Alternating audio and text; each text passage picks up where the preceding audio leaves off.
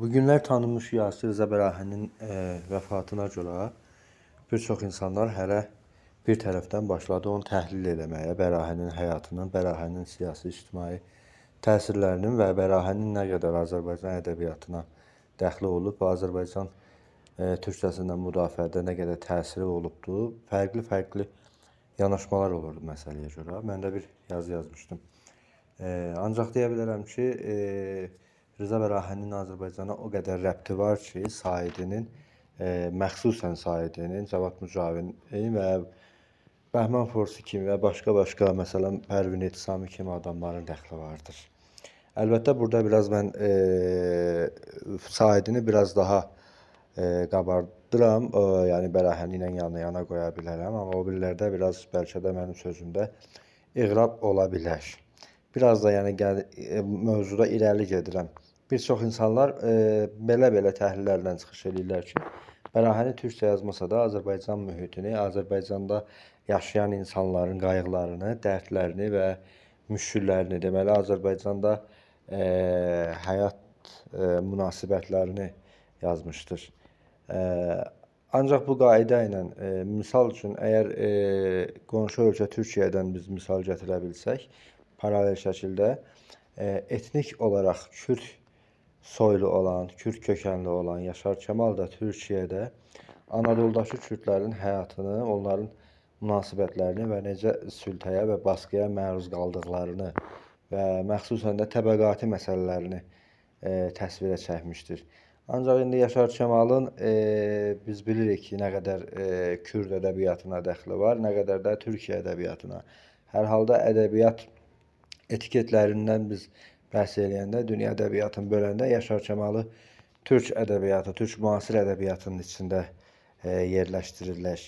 Deməli, Bəlahənin də e, türk kökənli olmasına rəğmən e, fars ədəbiyyatında yerləşir. E, misal üçün biz burada Abbas Mərufun da misal götürə bilərik ki, əgər Bəlahəniyə belə yanaşsaq ki, Azərbaycan mühitini yazıbdı, romanlarında Təbrizi və təsvirə çəkibdi, hekayələrində və çəkibdi təsvirə. Bu elə e, misal üçün Abbas Mərufin də Senfoni Mordeqan adında romanında Ərdəbili e, adlarla, yəni türkcə adlarla Aydın Orxan və Ərdəbilin necə deyərlər, e, məkanlarını təsvirə çəkib və rivayət e, orada baş verir. Ancaq biz bu günlərimi e, necə deyərlər, e, Abbas Mərufiyə deyə bilmərik Azərbaycan ədəbiyyatında da. Nəhayətdə Abbas Mərufi şovinist olsa da, düzdür ki, Bəlahənin şovinist deyildi və şovinistlərin qabağında idi. E, ancaq Abbas Mərufi fars ədəbiyyatındadır. Bunu da nəzərdə almalıyıq ki, bir çox dostlarımız deyirlər ki, e, Bəlahəni şovinizmin qabağında idi Pəhləvi zamanı ya ayrı-ayrı zamanlarda belə məsələ var ki, o Bərahəninin e, içtim e, siyasi pozası idi, bir siyasi karakteri idi. Biz Bərahəniyə görə siyasi karakterdən əlavə e, bir ədəbiyyat karakterli yanaşaq. Biz Bərahəninin deməli ki, siyasi pozasında nə qədər etniklərdən, Azərbaycanlıların hüququndan müdafiə olsa da, biz Bərahəninin necə deyirlər, ədəbiyyat karakterikasında bunu görmürük. E, misal üçün e, siz təsəvvür eləyin ki, Bərahəninin e, dəfn mərasimində orada Azərbaycan Kültür Dərnəyinin e, gül çələngi ola-ola, orada Azərbaycanlıların huzuru ola-ola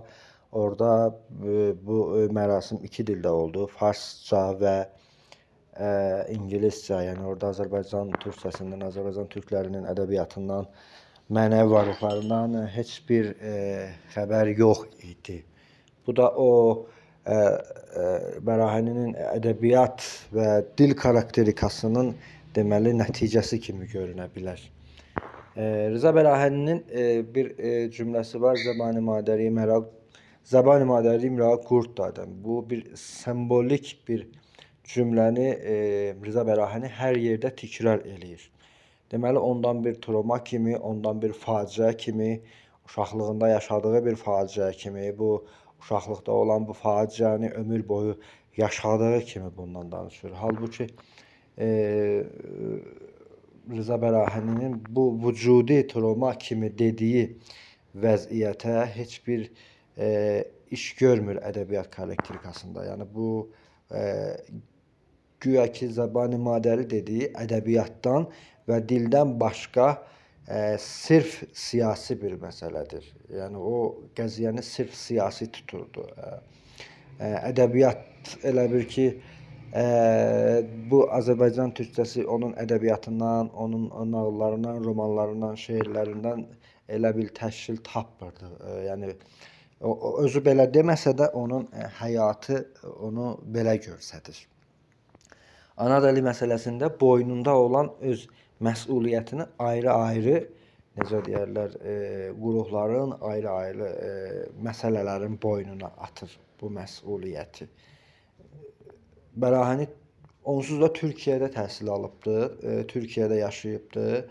E, o türkcəni bilirdi. Əgər türkcəni bilirdisə, niyə?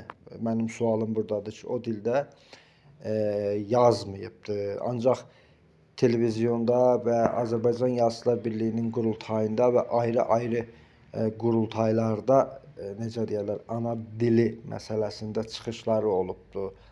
Azərbaycan e, yaz sürgün yazıçılar dərnəyi səhv etmirəmsə belə bir adı vardı.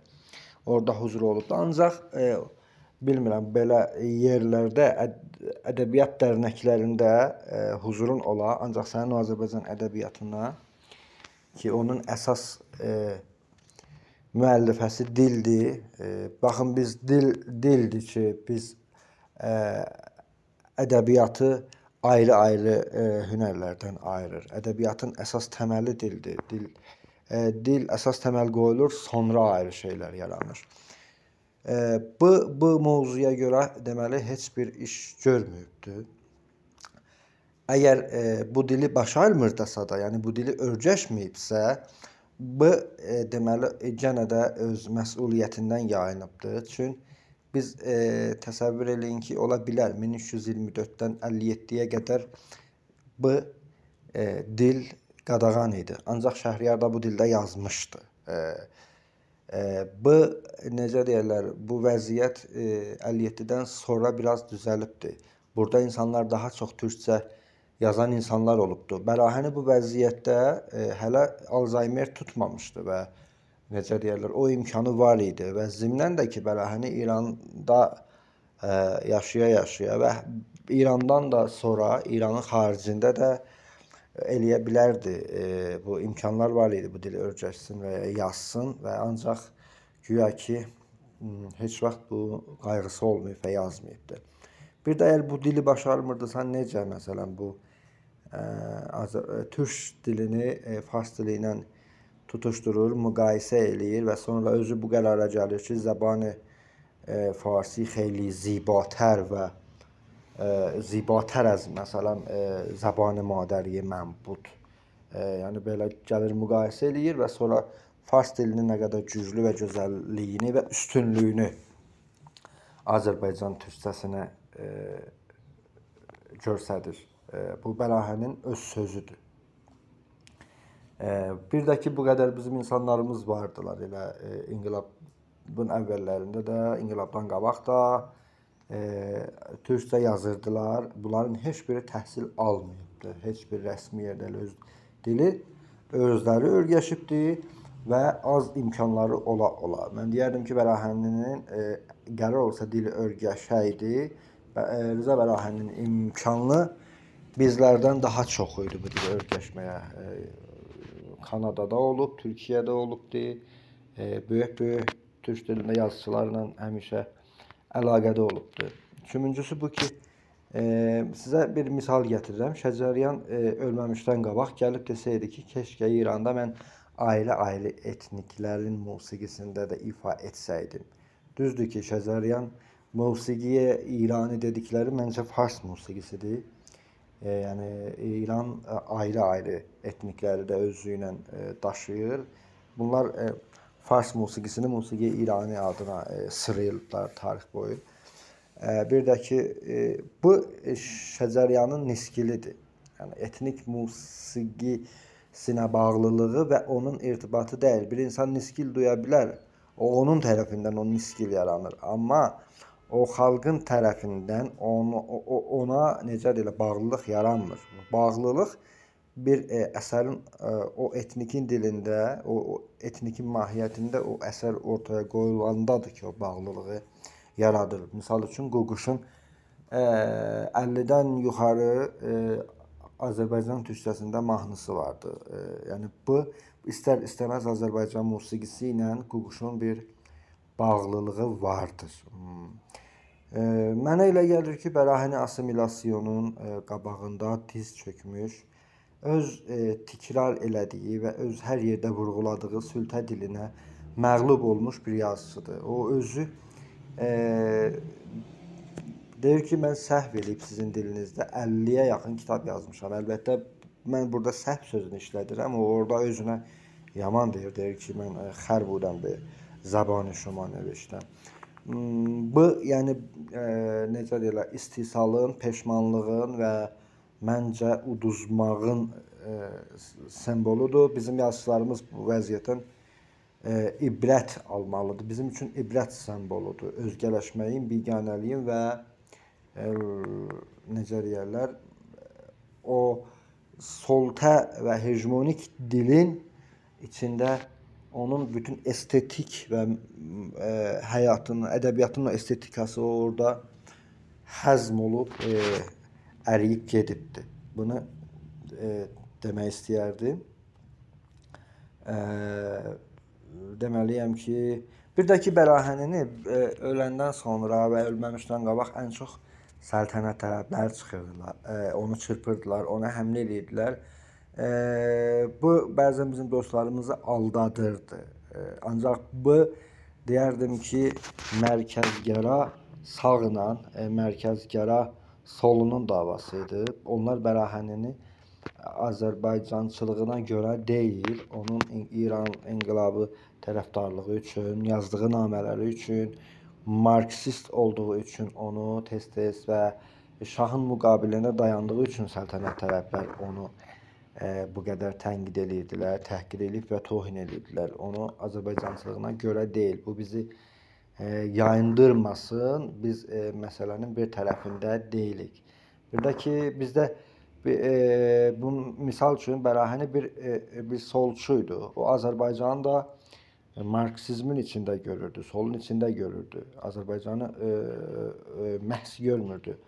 E, sol etiketinin altında bir Azərbaycan tərifləyə bilirdi. Necə ki Qarabağ e, 44 günlük Qarabağ ərazisinin azad edilməsində e, Təbrizdə solçular bəyaniyyə verdilər və e, e, necə deyirlər, Çəpi Azərbaycan adı ilə orada da Qarabağı gətirdilər solun e, etiketinin altına və orada Azərbaycan dövlətini tənqid edirdilər ki, e, güya kapitalizmin e, nə idi, qərbin nə idi, hala mənim bunların işimdə yoxdur. E, yəni məsələyə də belə də baxmaq olar. E, solçu baxışda bundan istifadə eləyir və ümumi zehniyyəti elə caydırır ki, güya Bərahəni Azərbaycanın simvoludur. Ona görə ona nifrət həcməsi yaranır. Halbuki səbəblər tamamilə ayrıdır, bambaşqadır. Bir də ki, bu sol baxışın Bəlahəni ilə yanaşmasında sirf biraz o romantik, e, biraz o e, solun simvolizə bir ədəbiyyatı vardı. E, hamısı onunla yanaşırdılar. Mən Furux Əsədburun ədəbiyyatını oxudum. Sırf bir nostaljik var, romantika vardı. Yəni məsələni çətinləşdirib məsələni intizailəşdirib və uzaqlaşdırıbdır və bu əslində bir qorxudan, e, qorxunun nəticəsində baş verir. Bu qorxu e, bərahəniyə məntiqi və e, həqiqi yanaş yanaşmanın qorxusudur. Bu romantik yanaşmalarda bir növdə Bərahəninin bir fərd olaraq nisçil nümunəsi göstərməkdir. Mən ancaq mən deyərəm ki, Rəza Bərahəni bir ömrü qərbin imkanatının içində yaşayıb, yaradıbdır. Çox keyfiyyətli həyatı olubdur, çox həyəcanlı, çox enişli, yoxuşlu, böyük dünyanın tanınmış adamları ilə oturub durubdur və çox da e, nəhayətdə qocalıbdır və vəfat eləyibdi. Hətta bunun qocalıq rəsmləri çıxanda bundan çox belə niskil və e, romantik vəziyyət aparırdılar ki, e, güya məsələn e, bir insanın haqqı yoxdur qocalmağa. Bu biolojik məsələdir. Məncə mm, bi, bi, biol, e, biolojik məsələ üçün biz insanlara nə niskil duymalıyıq, nə də bu həyatın və təbiətin bir e, f- təbii e, gedişatıdır.